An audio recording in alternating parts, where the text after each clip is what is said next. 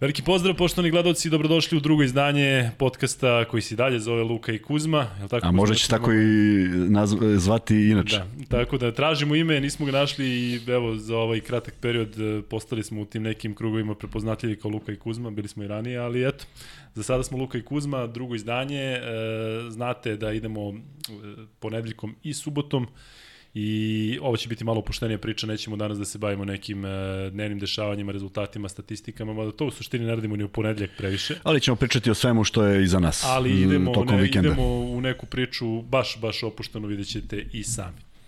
Kuzma, tema današnjeg e, podcasta je Idoli, idoli naše mladosti, kako smo počeli, zašto smo počeli, koga smo gledali. Košarkaški idoli, da Košarkaški ne idoli. Bora Čorba. Pa moji pa su idoli su bili ovaj, Pižon i Savić, ali ovaj, od, odveo, me, odveo me put na drugu stranu i uh, kako smo pričali o tome, Uh, uh, pokušao sam zaista da, da evociram uh, uspomene i moj prvi neki kontakt sa košarkom i Bila je to generacija i Zvezda i Partizana, prosto tada se to uglavnom i vrtelo na televiziji i znam da su mi u sećanju ostala dva vrlo upečatljiva prezimena. U Žeravica igrao u... Koprivica igrao u Zvezdi, a Kerkez je igrao u Partizanu. I onda to meni delovalo, kad god spomenem, kad god pomislim na košarku, meni to prođe kroz glavu. I uh, prvi, zaista prvi kontakt sa, sa loptom nije bio sa pravom loptom, već ako se sećaš bio onaj set dva plastična reketa sa sunđerostom lopticom, to ko ima to je već bio ozbiljan prestiž. Kutija od cipela na staklu iznad vrata, pošto sam imao nekih 140 u tom periodu, nisam baš uopšte obećavalo, nije ništa nagoveštavalo da ću porasti. Meni to bilo super za zabavu u sobi. I onda izmišljam imena tih igrača koje sam slušao i postižem koševe iz različitih pozicija.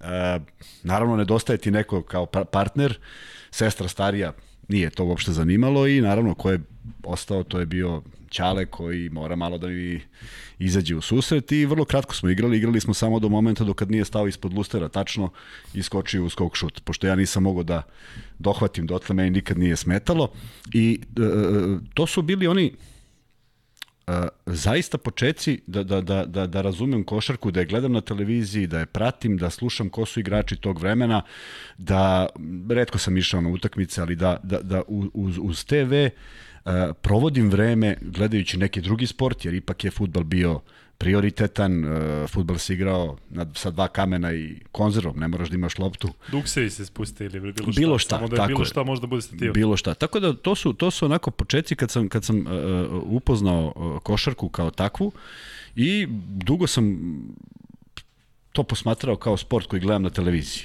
Uh, tvoje vreme je sigurno drugačije, jer ipak si ušao u nešto uh, kasnijem periodu. Jeste. Tad je bio jedan kanal, tad je utakmica išla jednom nedeljno, i nije bilo toliko informacija o svemu, da ne govorimo o NBA koji se pojavljuje tek sredinom i krajem 80-ih i e, sve do momenta do kada mi futbal koji sam trenirao nije postao onako malo a, sam se zasitio, iskra, neverovatno je ovo što sam ti rekao koliko sam bio visok, a na futbolu su me zvali krakati.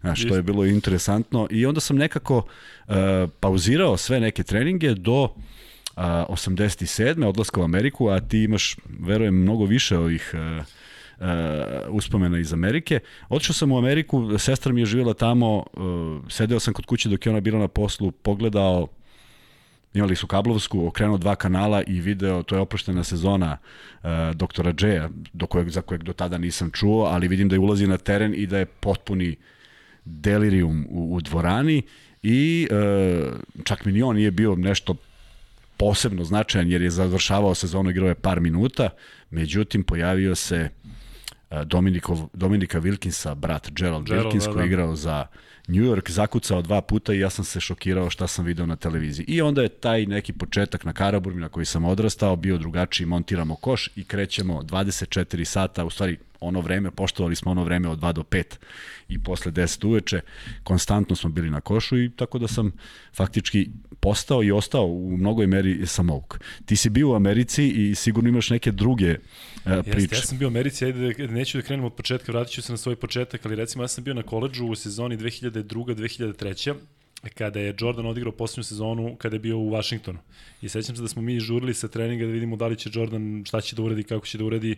I njegova posljednja utakmica zvanično za Vizarce bila je protiv Alena Iversona u Filadelfiji i sećam se da smo bežali sa treninga i da smo bili e, spremni da dobijemo kazne, ali da vidimo Jordana Iversona, Jordana posljednji put, Iverson je tada bio već u prime, odigrao ono protiv Lakersa, ovaj, tako da, baš na, do duše tada je već bilo i nedruštvenih mreža, Facebook je krenuo godinu dana ranije i e, Sećam se da je bilo je dostupnije naravno statistika i sve i sećam se u slačionici prvi ko dođe i kaže Jordan ubacio 50.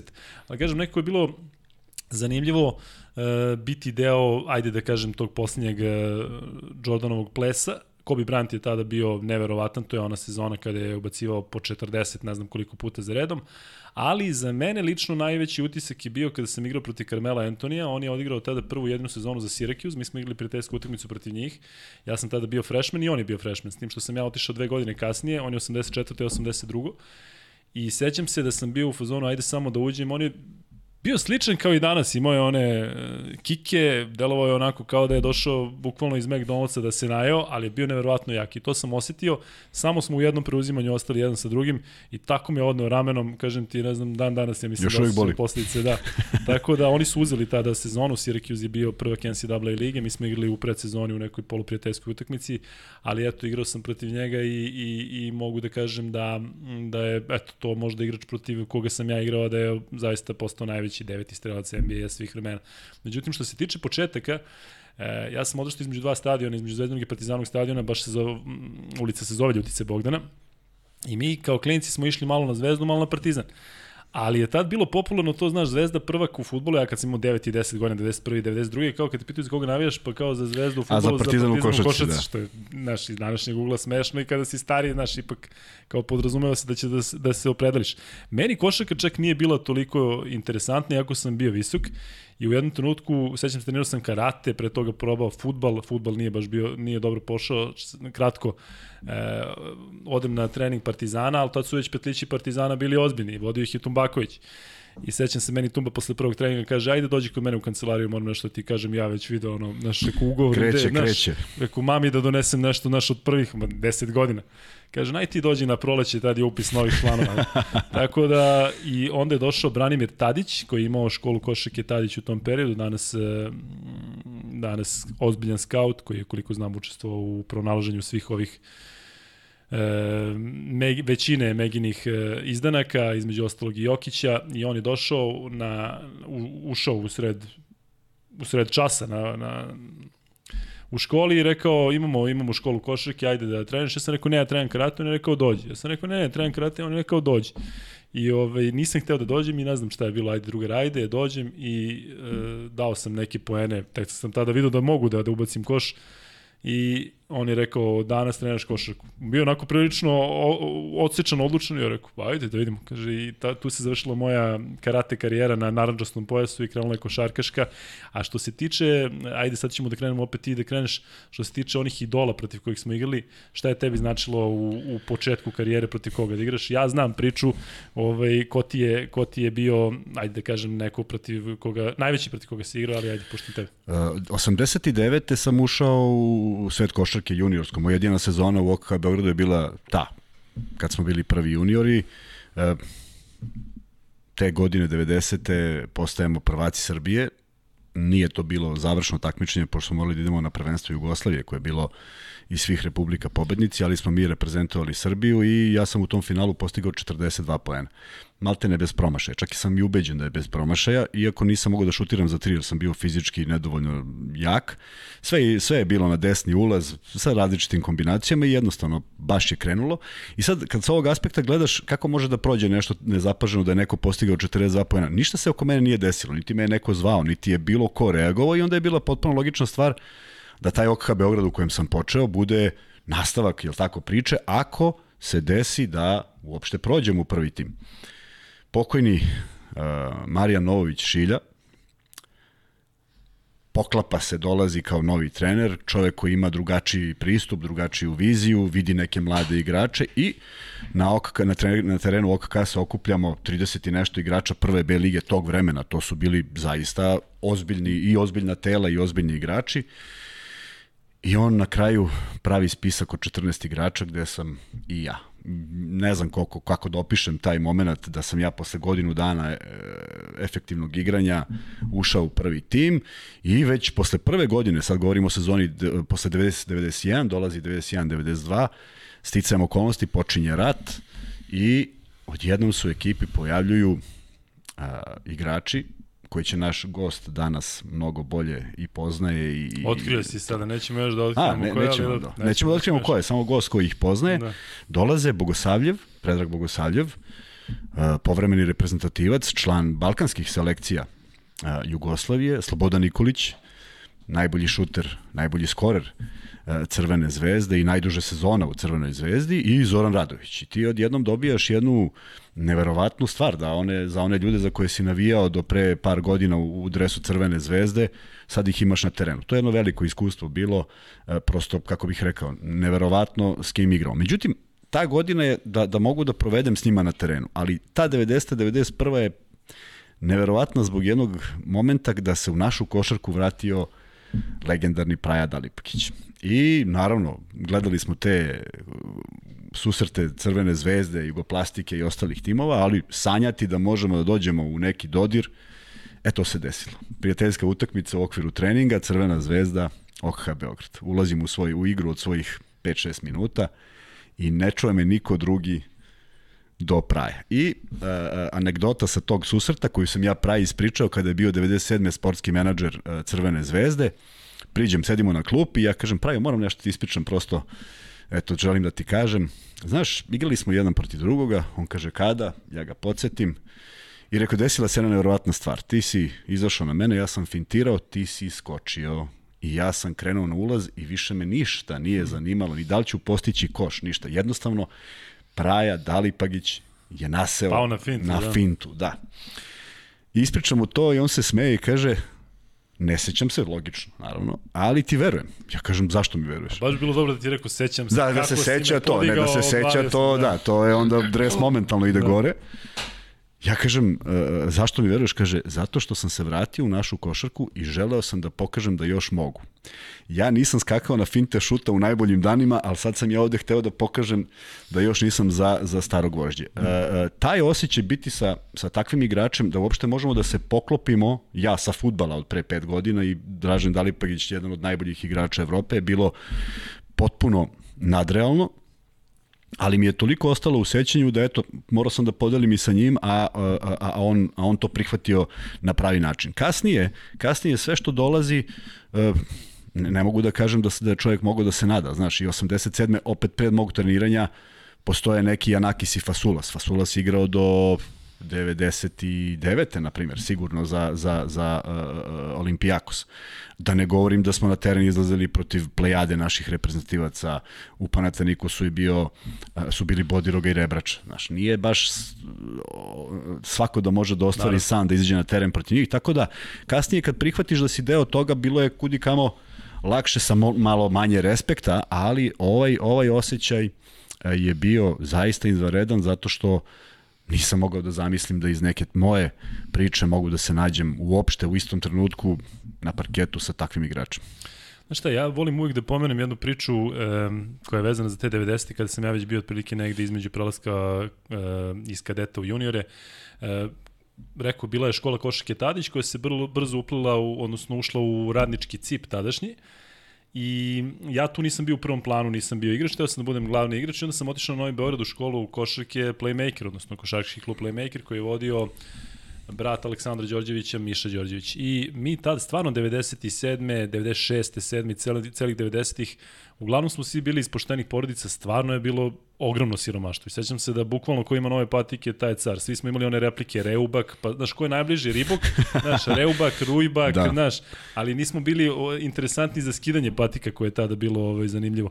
I sećam se 97. S, tada Jugoslavija naravno osvaja evropsko prvenstvo u Španiji, ona čuvena utakmica kada je Sale dao trojku protiv Hrvata, pa onda i to finale protiv Italije. I mi pre toga saznamo da će 10 najboljih ići u Barcelonu na kamp Saleta Đorđevića dan koji počinje dan posle evropskog prvenstva. Ja sam bio u tih 10, Saletov je bio kamp i DC desetkom kojim su oni došli, mi smo otišli. Sećam se i dalje siromaštvo neviđeno. Dakle, kažem ti, meni tata, sećam se daje nešto malo maraka i bukvalno samo što mu nisam izvukao iz ruke, što rekao mi, ajde vidi vrati šta možeš, a da ti ne kažem koliko mi je dao. E, patike male, dva broja manje, znači one koje si nosio ranije nosiš i dalje. I slećemo u Barcelonu, kao najveće zvezde na svetu. Znači, tada je Jugoslavija bila tamo hit, mesečina, gruva, nas dočekuju, tamo neki trubači, dočekuju nas neki ljudi, nama podmeću sa 15 godina e, mikrofon da mi nešto pričamo. I tamo na tom kampu su bili i dečaci i devojčice i sećam da smo bili baš popularni među devojčicama i među dečacima, svi su nas gledali. Stvarno smo i, što se tiče košake, smo i opet, tada Španija nije bila ono što je posljednje dve decenije. Ali onda je došao Sale Đorđević koji je nama tada bio uh, stvarno i drugar i stari brat i dobili smo svi, kažem ti, ti nad kampu dobiješ jedan par patika, dve majice, sve. On je tamo video kakva je situacija, pa smo dobili sve i svašta. Pritom smo bili u olimpijskom selu, pa išla priča koja vratno nije tačna kao mi smo sad u sobi gde je bilo tim 92. I ovaj američki. Ali Sale tu moram priznati i podsjetio sam ga 2014. na to, kaže, au brate, kada je to bilo, on je tada naravno bio još neaktivan igrač, bio je možda i na, na, na vrhuncu karijere, ali sećam se da je on nas zamolio da se mi njemu potpišemo na shorts. I onda kažem ti, to je bilo interesantno da smo mi bili, kao sa 15 godina, tu je nas neko gledao kao vidi, došli su ovi iz Jugoslavije koji su carevi ko, ko, košarke, a opet Sale koji je naš bio, bio nam je sve, tada nas je učio, sećam se da je ostao po dva sata sa nama da nam priča kako mora prst da ide, neke sitne stvari, ali baš se uneo. Tako da zahvalnost njemu zato što je to možda i najlepši period mog odrastanja košarkaškog, kada smo se vratili ovde, vratili smo se 10 kila teži, zato što je tamo bio švedski sto, nismo znali šta je to. Bio, znaš, uopšte nije bilo hrane toliko da se ovde jede ovamo kao švedski sto, pa ti biraš, ali generalno tih, mi smo ostali čak dva puta po sedam dana, dakle, pustio nas je dva kampa da odradimo. I kažem, to je bilo zanimljivo da, da smo mi nekome bili sada, uf, vidi ko je ovo, a Sala je tu nama bio sve i, i kažem, ispoje, i, i, najbolji je bio tad kad ostane sam s nama, uvek nas je pitao treba nešto, ajde priča, naravno, nas pitao, naravno. pitao nas je da li ima nekih problema ovako, kažem ti, bio nam je i psiholog, i stari brat, i, i idol, i sve, i kažem, to je jedno od lepših, jedno od lepših perioda u, u tom mom košarkaškom odrastanju. E sada, nakon što smo se ja i ti ispričali, Imam još jednu stvar. Ajde. Imam još jednu stvar koju sam takođe ponosan, da sam, e, eto, kroz karijeru uspeo da radim sa dva neverovatna trenera, Govorim o onim trenerima koji su obeležili epohe, ne o ostalim koji su bili zaista vrhunski, govorimo o pokojnim e, Ranku Žeravici i profesoru Nikoliću, dakle sa iz vizure momka koji gleda finale Euro lige 91. druga, je tako, čoveka koji iza Obradovića daje savete da mogu da uopšte radim s njim, a pre toga u Crvenoj zvezdi sa, sa Rankom Žeravicom. I ostala mi je u sećanju jedna neverovatna stvar, mi smo bili na pripremu u Andori, da me sad pitaš zašto i što se išlo tamo i kako smo uopšte dospeli u Andoru, ne znam, ali smo imali trening utakmicu u Manresi gde je Ranko Žerevica uopšte u Španiji bio apsolutno bog. I izašli smo iz autobusa na, sa planine na neverovatnu vlažnost vazduha. Znači, bilo mi je zaista loše, tako da sam poželao da što pre uđem u dvoranu. Mala jedna dvorana, trenažna. Ali Čikaranko koji je jako brzo znao da, da, da hoda, išao ispred mene, ja sam bio faktički prvi igrač. I ulazimo u istom trenutku u dvoranu u dvorani je četvoro, petoro ljudi koji staju sa svim svojim poslovima i poklanjaju se dok on njima ne prilazi. Ja sam, ja sam bio presrećan što sam u tom momentu tu da doživim nešto što ni, upe, ni uopšte nema veze sa mnom, da. ali videti jedno neverovatno poštovanje koje on uživao, osetiš se ponosim što znači da si i ti sada deo te priče. Deo te priče.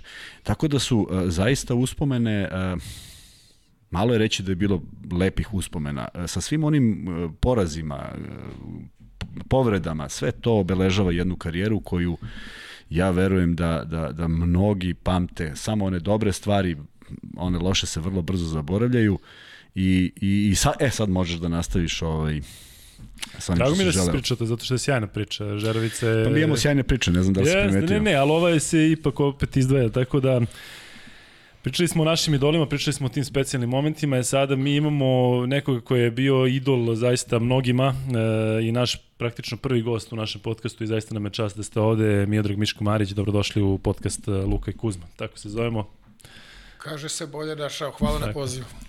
Hvala vama još jednom. E, da li u tom periodu kada ste vi igrali, da li ste vi imali nekog idola? Znamo da ste počeli kasno, da ste počeli već negde u srednjoj školi, ali u tom periodu kada nije bilo društvenih mreža, kada je i televizor, broj televizora je bio ograničen, koliko znam, e, sve se praktično baziralo na tome da se vidi šta pišu, e, šta piše štampa. Dva časopisa, tako, možda i jedan. Samo dva.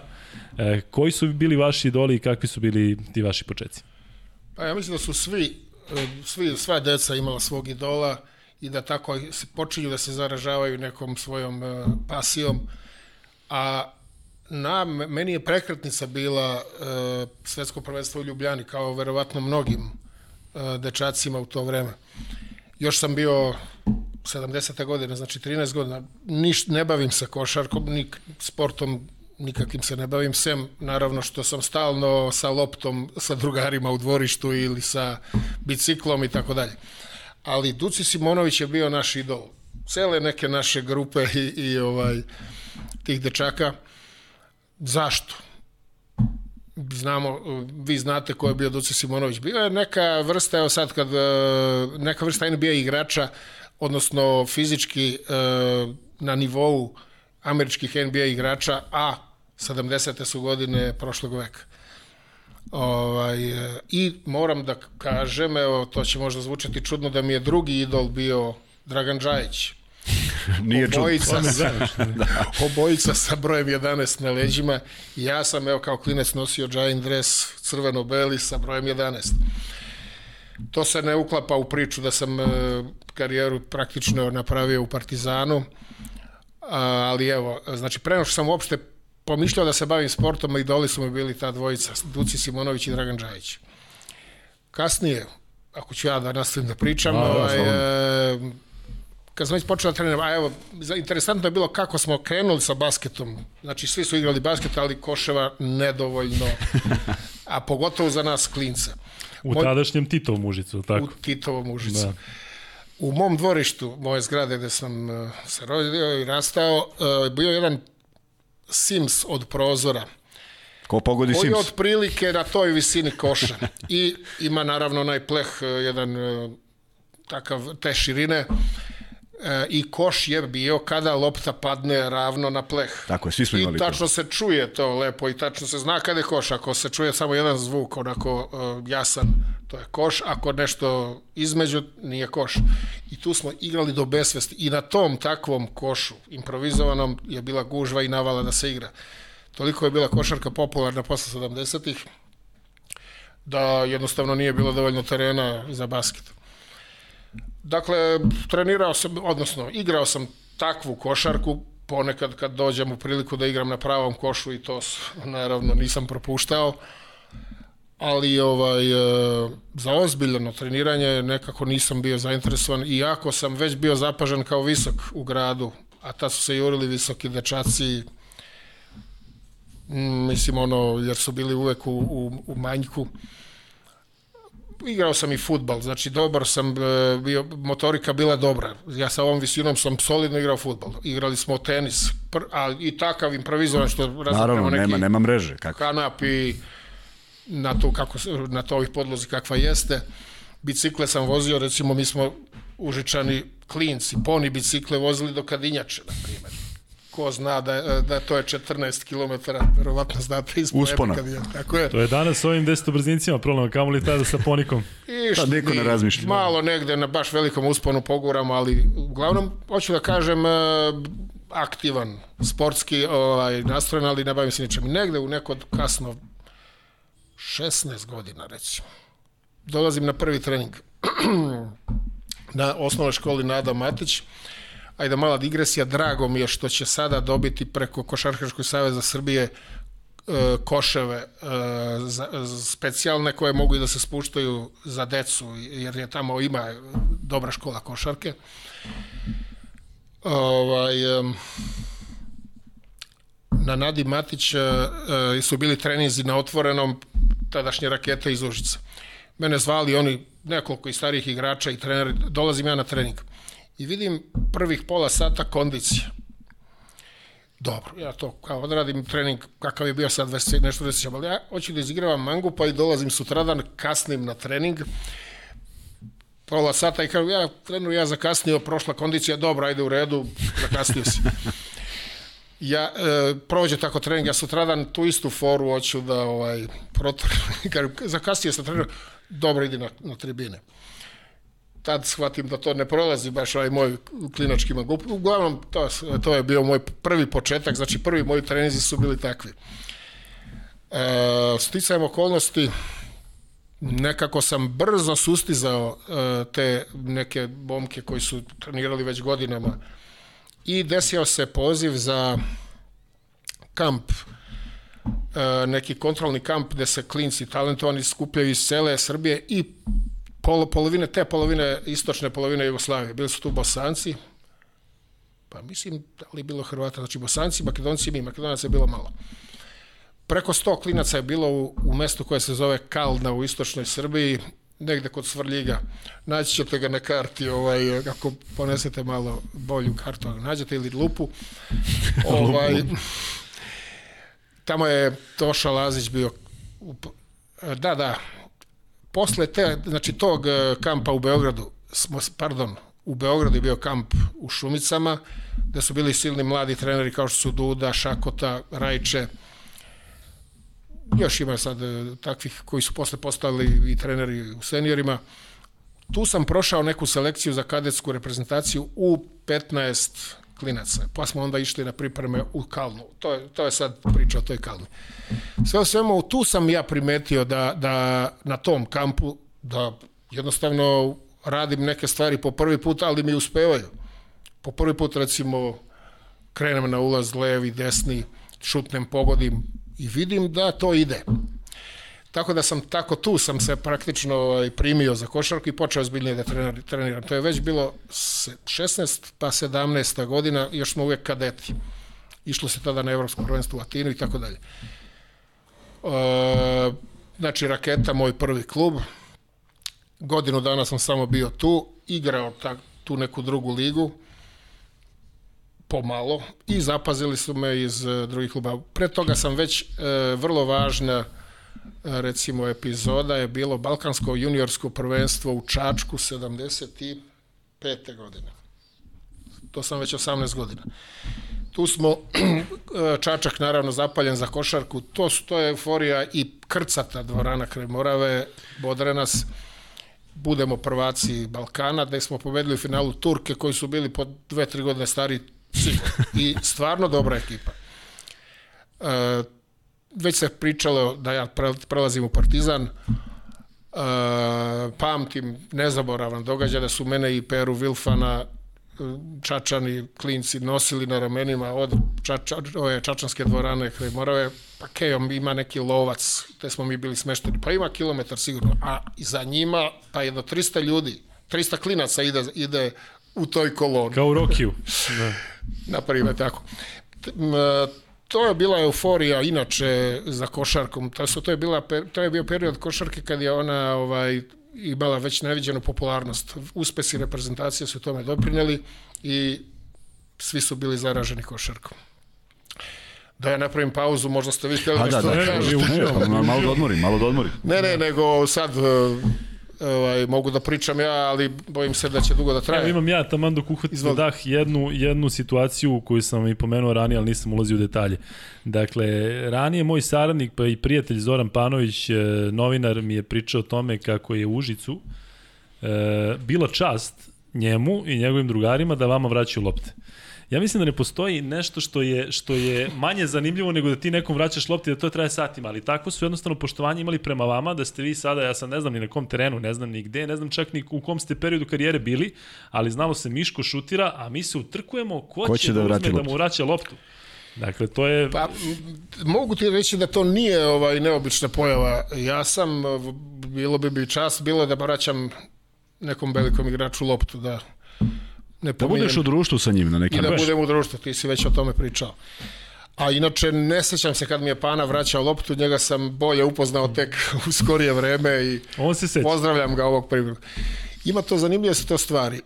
Neko je imao karijeru, naravno, recimo igrao je neku srpsku ligu ili tako dalje i on pamti celog života utakmicu koju je igrao protiv Partizana nekada, a kup se tada igrao, kup Jugoslavije se kretao od betonne lige. I mi, Partizan, smo igrali recimo na Karaburbi na betonu. Da, u Mirjevo se igralo na betonu. Mirjevo.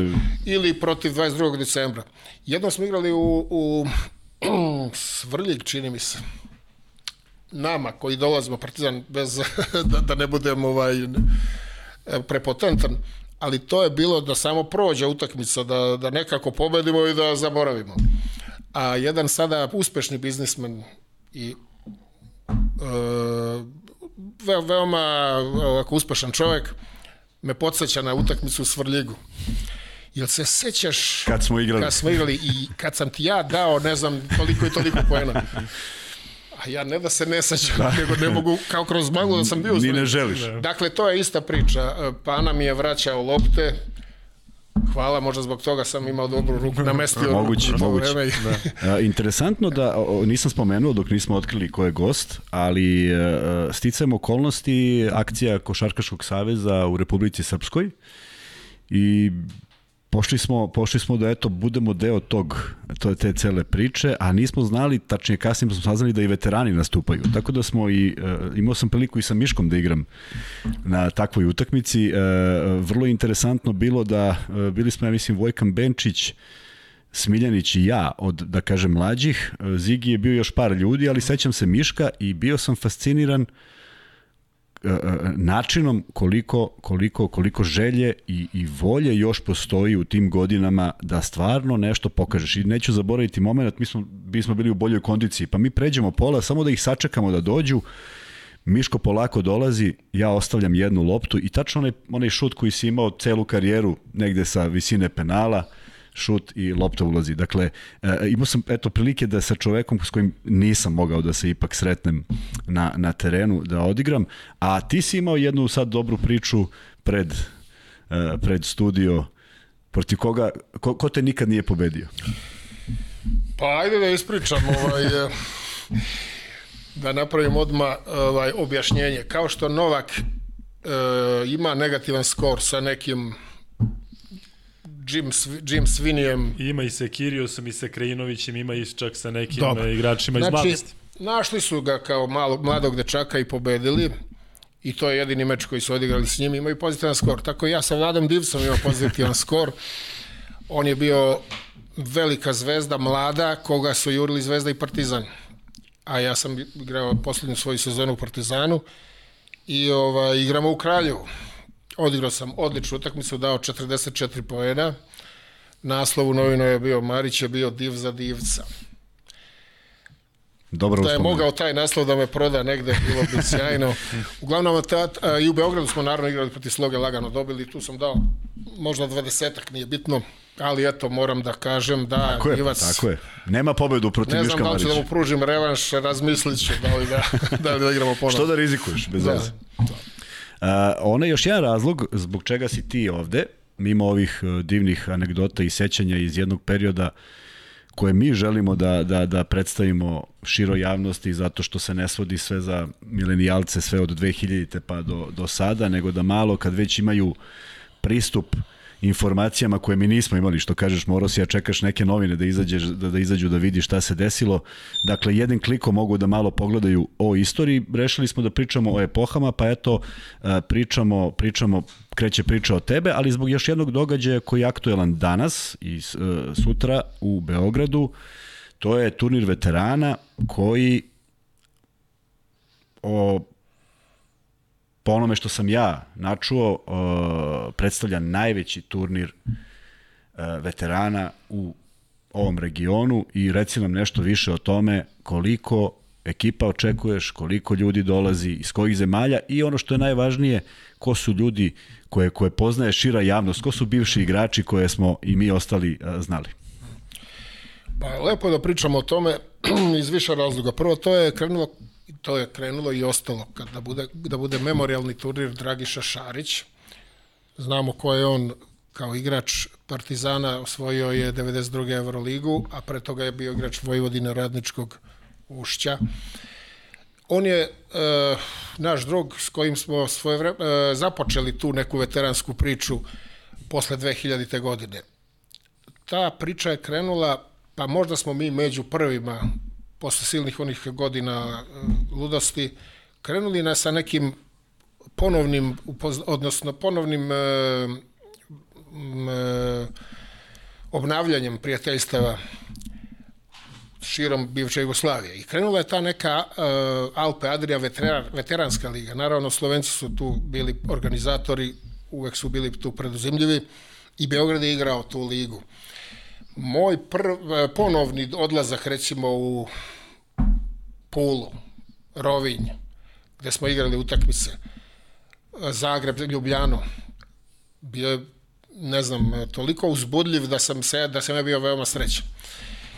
Krenulo je tako sa tom ligom, e, 2000 sad ćemo zaboraviti da li pete godine u Opatiji smo recimo bili prvaci te lige jako dobro takmičenje jako još smo bili relativno mladi. U dobrim godinama. I tu je baš i Dragiša Šarić bio i jedan od boljih najboljih igrača. Uglavnom kad je on tragično preminuo ideja je da održimo sećanje na njega i to upravo neki timovi, krenuli to sa četiri tima, onak s kojima je on nekako blisko imao veze. To su ti e, Pula, gde je on, e, e, gde se to desilo, Banja Luka, to su naši prijatelji s kojima smo često imali bilateralne susrete, i Ljubljana.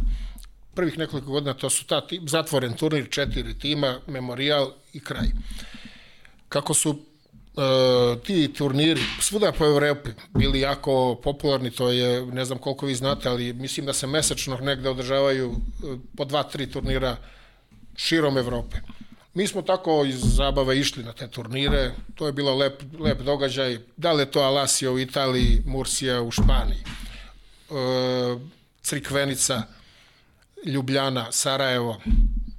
I onda smo uh, rešili da taj turnir, Dragiša Šarić i mi malo proširimo, da ga otvorimo, da ne bude zatvoren i da radimo turnir u Beogradu. Kako smo ovaj, to lepo radili, odnosno poka, uh, ajde da kažem, na, ne, nas nekoliko je uh, uspelo da taj turnir bude uh, svima toliko zanimljiv da postane i najveći, kao što si rekao, ubedljivo u Evropi po broju učesnika. Da pomenem, znači e, Bojana Spasovića Zigija, našeg druga, on je najzaslužniji za komunikacije sa svim tim ekipama. E, Pera Kočević nam pomaže u logistici i tako dalje, a ne bi mogli bez e, naših drugarica Vanilice Vesne Mić i Mire Avramović i tako, naravno imamo još drugara koji nam pomažu. U svakom slučaju to je sada turnir gde smo najveći broj imali rekordan 70 učesnika, to je bilo pre dve godine. I kad pričamo o ljudima, recimo bio je Vlada Kosijer iz uh, Zagreba, bio nam je gost pre tri godine. Kad je vidio, čekaj, vi ovo organizujete, vas četvoro to organizuje. Pa ovo je, ovo, ovo je, ovo je pol, pola olimpijade dolazi ovo, na ovakav, to mislim, po broju. Ovaj, uglavnom, to smo uspeli da napravimo, entuzijazam je broj jedan, znamo ljude, zna, uh, sarađuju mnogi sa nama, ali to je ovaj to je uh, sad dosta i uhodano. I eto, ovaj, dolaze nam ekipa iz cele Evrope, najviše iz regiona. Koga očekuješ od bivših igrača svojih prostora? E, ove godine je malo bilo više otkaza nego obično. 55 da. ekipa je definitivno, ali recimo Marko Popović iz Zadra nam dolazi. Biće zanimljiva ta utakmica, vjerojatno će igrati finale i onda ćemo to da ostavimo kao na završnicu turnira. Sa njim igraju dvojica iz igrača koji su prvotimci Zadra, zaboravio se kako se zovu da ti pravo kažem, ali recimo ako, ako niste dovoljno u karijeri gledali Darka Miličića, imate prilike da dođete na turnir, da ga gledate, jer i on igra, ima svoju ekipu, on i Šuput igraš Partizana. Igraš, da, Partizana. Predrag, da, koji je sa hemoformom i sa Partizanom pravio. Mićko Milićević, on je standardni učesnik. Mićko Milićević je tu, ima tu još dobrih igrača. Da, e, sigurno. Uh, Krasa, Toza Zorkić, ovaj, e, Srećko Jarić, mislim da će još igrati, nisam siguran, malo je već uh, prešao ove kategorije koje mi imamo. Uh, ali bez obzira na ta imena koja su naravno svima interesantna, taj turnir odnosno učesnici turnira pokazuju drugu stranu, to jest e, sportsku kulturu. Ja moram da primetim da je to recimo daleko razvijenije u Sloveniji, najrazvijenije u Sloveniji i u Hrvatskoj. Znači oni se svi bave sportom i rekreacijom, dakle sport kao rekreacijom, kao način života im je to. Ne postoji tamo selo koje nema organizovanu ekipu, termine, susrete, turnire i to je jako dobro i zdravo. To moram da, da ovaj, nekako popularišem i kod nas kod nas se mnogi igrači ovaj, posle karijere opuste i ne, ne, ne bave se ni fizičkom aktivnošću. Pogotovo, ne kažem da se opuste skoro, što se košarke tiče, veliki igrači nekako nisu ovaj, raspoloženi da se kao veterani time bave. Imaju dva razloga, verovatno malo sujeta da ne bi neki koji je sada fizički spremniji ga, kao što sam ja divca dok je bio mali. da, baš tako. A drugi je što su se istrošili prilično ti vrhunski košarkaši i sportisti i znam kako je, znam i ja kako su moja kolena sada, tako da igram sve manje i tako dalje. Ali veoma je važno to ovaj, e, e, baviti se sportom u vidu rekreacije, a posebno druženja i prijateljstva koja se obnavljaju i koja se sve više šire. I meni je posebno zadovoljstvo što sad vidim da i mi koji smo već stariji veterani, imamo naslednike u mlađim veteranima.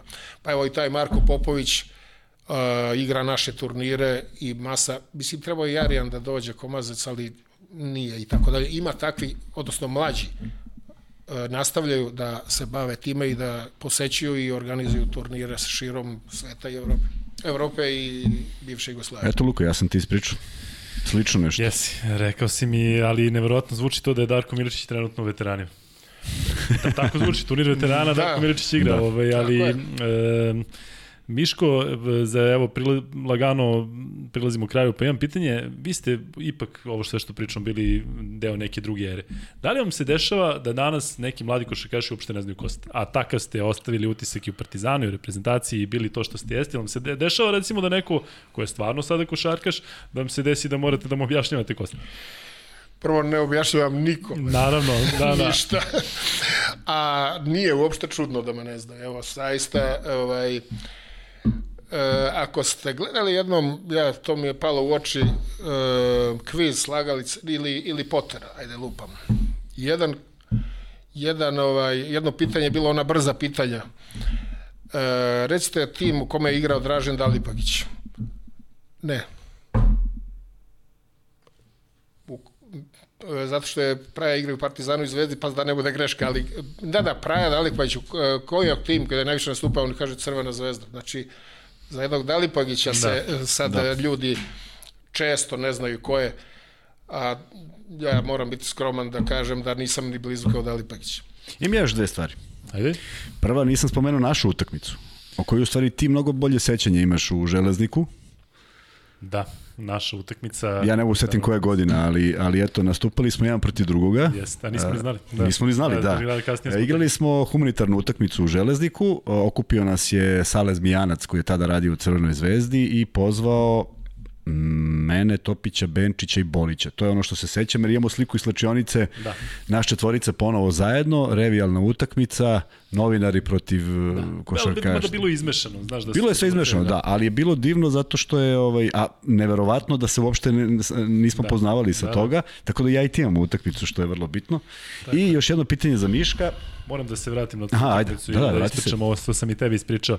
Dakle, bila je utakmica gde su novinari igrali protiv poznatih, hajde da kažemo. I tu je bilo i sveta poznatih, sećaš se, bilo i futbalera, bilo je i, i svega. Ja sam tada bio stvarno fizički mm, ajde da kažem, možda ne na vrhuncu. I sećam se na zagrevanju, zakucavanje, nas je vodio Vuk Radivojević, vas je vodio Igor Kočević, tada aktivni košarkaš iz Zvezde, i ja zakucavanje u igri, trojke, seva, sve. Sećam se da su, da su kolege tada rekle e, predsedniku Zvezde, ajde potpišite ga šta čekate, vidite kako čovjek igra. I ja, trenutak e, koji sam čekao da se malo oslobodi nešto da bacim u tablu i da zakucam iza leđa. I bacim loptu u tablu i tačno vidim ispred mene nema nikoga. Prošao sam, mislim da je bio automobilista Kujundžić, Kulundžić kako se zvao. I e, promena, prođem njega, dižem na tablu i vidim ispred sebe i sad razmišljam da li da je hvatam jednom rukom, da li da je hvatam iza leđa, kako će da bude lopta i Dragan Kojić Keba udara takvu sekiricu da su meni uletele noge. I razmišljam, i ja kažem, pa Kebo, u čemu je stvar? Kaže, nema lakih poena, nema. Ne, bravo. Tako da je to bila utakmica. Moje, moj uh, vrhunac tog post koš, košarkaškog perioda je upropastio Dragan Kojić Keba. Tako da, eto, pričao sam ti to, sećaš. Upropastio još nekim stvarima tamo. uh, jedno pitanje za Miška. Uh, ja to znam, ali želim da čuju i drugi. Gledaš još jednu košarku koja će i ove godine biti deo tvog turnira. Upravo sam hteo da te podsjetim da treba i to zaboravio, da. nešto da nisi zaboravio. Ovaj, da, lepa je stvar i nama je posebno drago i čast što su učesnici tog našeg turnira i košarkaši u kolicima. Dakle, u saradnji sa Savezom košarkaša, košarkaša u kolicima. U kolicima. E, igra se i revijalna utakmica dve ekipe, između dve finalne utakmice i zaista moram da kažem da to nailazi na jako veliku ovaj, podršku i ogromne simpatije uh, oni za, za, ovaj, zadobijaju pokazujući svoju borbenost, volju, snagu, upornost a mnogi nisu ni upućeni u to i nisu znali kako to izgleda i praktično su iznenađeni i, i na nekom vrstom atraktivnosti. Znači, uopšte nije to nešto što ne može da se, što ne može da se gleda, nego naprotiv. To je ovaj, jako zanimljivo i za gledanje. I mislim da bi mogli ljudi da malo obrate pažnju na, na te naše kolege košarkaše i vidjet će da je to i jako zanimljivo. Ajde da još da kažem da ove godine uh, su prepoznali našu tu akciju celu sa tim turnirom evropska delegacija u Beogradu. Šta šta, šta je sa njima najviše svidalo? Upravo to prijateljstvo nekih e, bivših e, građana bivših republika, republika odnosno ex-Jugoslavije, i mi smo za njih e, dobar primer koji mladi treba da slede. Oni bi voljeli kad bi mladi se više sretali, menjali iskustva, upoznavali, jer oni se praktično ne poznaju. I iz nepoznavanja postoje, sarađuju razne predrasude i čak i mržnja i animozitet jer informacije koje oni dobijaju jedni od drugima su takve da ne može drugačije ni biti. A jedini bi bio ovaj, način da se to razbije, da se bolje upoznaju, da se vide, da se druže. Ja bih voleo kad bi mladi sledili naš primer. Baš lepo za kraj, Kuzma, imaš još nešto da Ne, mislim da smo ovaj, se lepo ispričali i nadam se da Ljudi uživaju u ovakvim pričama, bit će ih još sa drugim gostima, da se zahvalimo Mišku na, na, na tome što je odvojio vremena u, u, u, ovaj, u ovom momentu kada se turnir odigrava, a s druge strane prepustio si Zigiju, ipak rekao si, Zigi idem ja do grada, a ti to završi. Ovo je lakše, da kažem imam neke obaveze, a ti vidiš, a ti vidiš šta ćeš. Da.